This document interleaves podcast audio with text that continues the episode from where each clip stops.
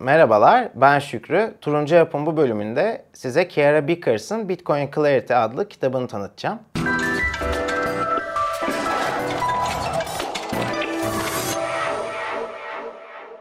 Bu bölümü isterseniz Satoshi TV YouTube kanalından, isterseniz de Satoshi Radyo üzerinden podcast olarak dinleyebilirsiniz. Yine yapmayı sevdiğim gibi kitaptan önce size yazardan bahsetmek istiyorum. Yani bu programda biraz da amaç e, içeriklerden ziyade Bitcoin ile ilgilenen farklı insanları da e, tanıtmak ve e, işte bizim de onları tanımamızı sağlamak. Kiera Bickers Bitcoin ile çok erken yaşta tanışıyor. E, tanıştığı yıl 2012. Kendisi de e, daha yani 20 yaşının altında olduğu bir zamandı. E, hatta işte San Francisco taraflarında Silikon Vadisi'nde barista olarak çalışırken böyle ilgilenmeye başlıyor. Üniversite eğitimine daha başlamadan önce vesaire. E, o da şöyle oluyor. Ya Ron Paul diye bir Amerikan başkan adayı vardı. E, bu kişi hatta VJ Boyapati'yi de e, Bitcoin ile tanışmasına sebep olan kişidir. Bir sürü insanı Avusturya ekonomisini çalışmaya itti. Nasıl oldu? Ee, sürekli savunduğu altın standartına geri dönelim. İşte merkez bankaları havadan para basıyor. Bu da insanların hani birikimlerin erimesine sebep oluyor gibi e, konuşmaları vardı. Kampanyasının da önemli bir kısmı bunun üzerineydi. E, Ron Paul'u takip eden e, ve ona ilgi duyan insanlar e, Avusturya ekonomisiyle tanıştıktan sonra bir şekilde yolları Bitcoin'e de kesişti. Kiara da bunlardan biriydi. E, şimdi 2012 yılı olduğunu düşünürsek daha Bitcoin'in çok erken aşamaları ve e, Kiara insanlara ben Bitcoin'i öğrenmek için ne yapmam gerek diye sorduğunda herkesin ona verdiği tavsiye e, yazılım öğrenerek başlasan daha iyi olur. E, çünkü o zamanlar e, şu anki gibi popüler herkesin bildiği e, ana akıma karışmış bir şey değildi, bir alet edevat değildi Bitcoin. O zamanlar daha çok teknoloji ya hakim insanların üzerinde uğraştığı bir şeydi. E, Kiara da bir yıl boyunca e, C Sharp öğrenmeye başlıyor. Ondan sonra yavaş yavaş işte e, Bitcoin üzerine çalışan firmalarla çalışmaya başlıyor. Hatta üstümde de e, Blockstream'in tişörtü var. Bu da şu an Kiara'nın çalıştığı firma. E, Blockstream işte e, white paper'ın içinde adı da geçen Adam Beck'in e, kurucularından olduğu e, bir Bitcoin üzerine çalışma yapan teknoloji firması. E, ne yapıyor Blockstream? Blockstream e, Mempool Explorer yapıyor. E, onun dışında 4 tane uzayda dolaşan uyduları var. Bu uydular üzerinden internet olmasa bile e, Bitcoin ağına bağlanabiliyorsunuz ve yeni nodları, blokları indirebiliyorsunuz. Onun dışında Green Wallet diye bir cüzdanı var. E, Jade diye bir donanımsal bir cüzdanı var.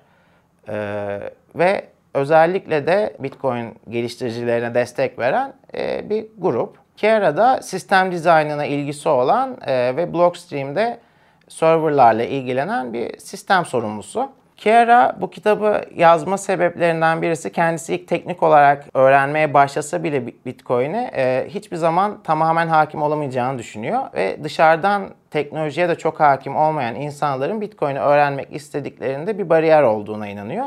E, bundan dolayı analojileri kullanarak e, basit görsellerle Bitcoin'i aslında daha bir tık daha teknik bir şekilde anlamamıza da yardımcı olan bir kitap yazıyor.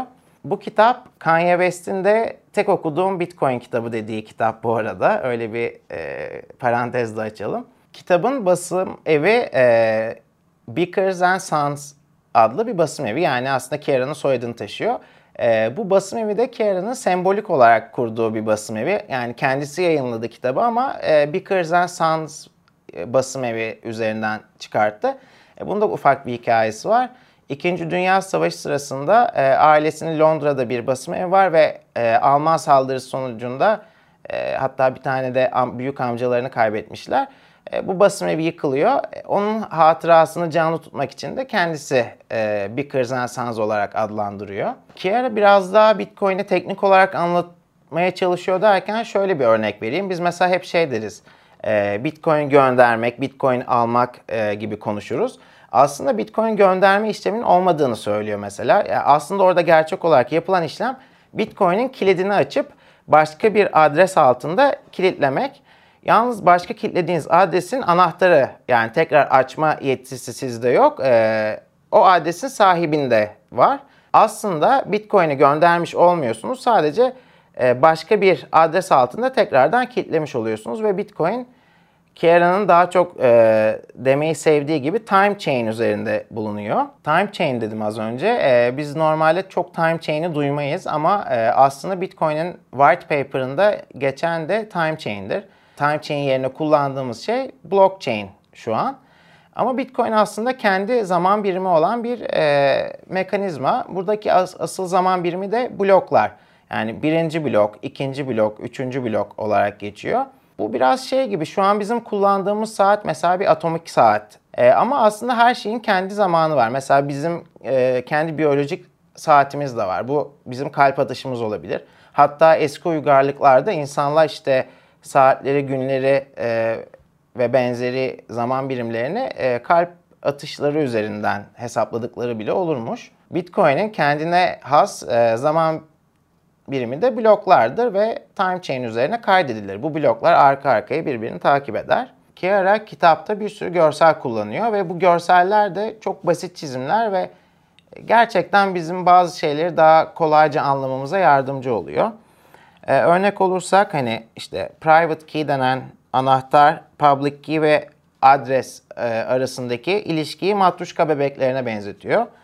En büyük matruşka bebeği private key yani özel anahtar. Sizin e, kilidi açmak için kullanacağınız anahtar aslında.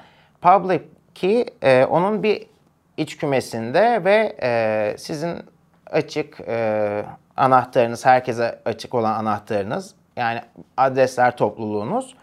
Ee, en küçük çocuk da e, burada şey oluyor. Adresler hani kendine ait unique adresler oluyor. Yine az önce bahsettiğim gibi e, time chain olarak adlandırdığı e, kısmında görselleştirdi e, Kiara. Bu da bazı şeyleri canlandırırken gözümüzde kolaylıklar sağlıyor. E, örnek olarak her gün e, işte time chain'e yani blok zincire günde 144 blok ekleniyor. E, ve her hafta bu 1008 bloğa denk geliyor. Bunu bile aslında gözümüzde canlandırmak bazı şeyleri kavramamızı kolaylaştırıyor. E, şu an biz mesela e, her blokta da 6.25 Bitcoin çıktığını biliyorsak e, bu, gözümüzde canlandırabildiğimiz bir sayı haline geliyor. Aslında çok günde 900 tane çıkan bir e, Bitcoin miktarı var günde. Kitap Bitcoin kilitlerini açıp kapamaktan, e, yani Bitcoin göndermekten, blok zincirin özelliklerinden, madencilikten, hatta Bitcoin yönetimine kadar e, farklı konulardan da bahsediyor. E, örnek olarak Bitcoin'in en önemli özelliklerinden birisi her iki haftada bir olan madencilikte yaşanan zorluk değişimleridir. bu enflasyonu belli bir seviyede tutmaya yarar her zaman.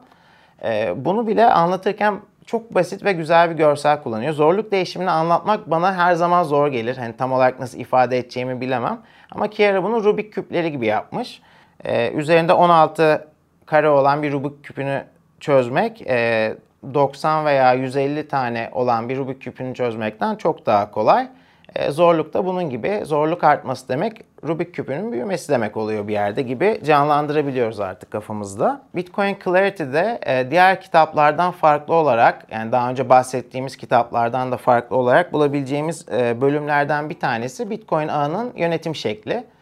Bitcoin'in bildiğiniz gibi CEO'su yok, sahibi yok, herkes katkıda bulunabiliyor ve bir şekilde bazı kararlar alınması gerektiği zamanlar oluyor. Kiara bunu 7. bölümde yönetim şekli yani governance kısmında anlatıyor.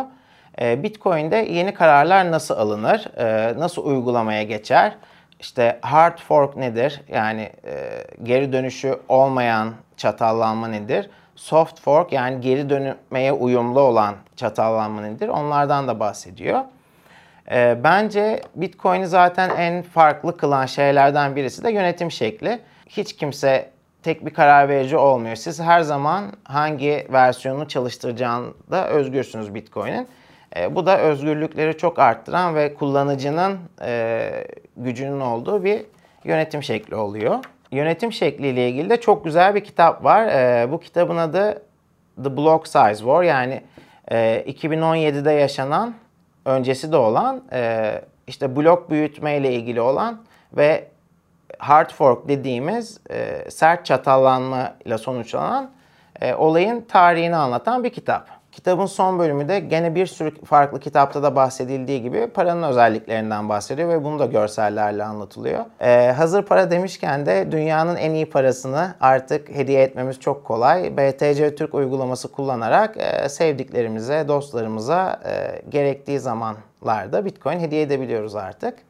Bu bölümü de güzel bir haberle bitirmiş olduk. Ee, önümüzdeki bölümlerde görüşmek üzere.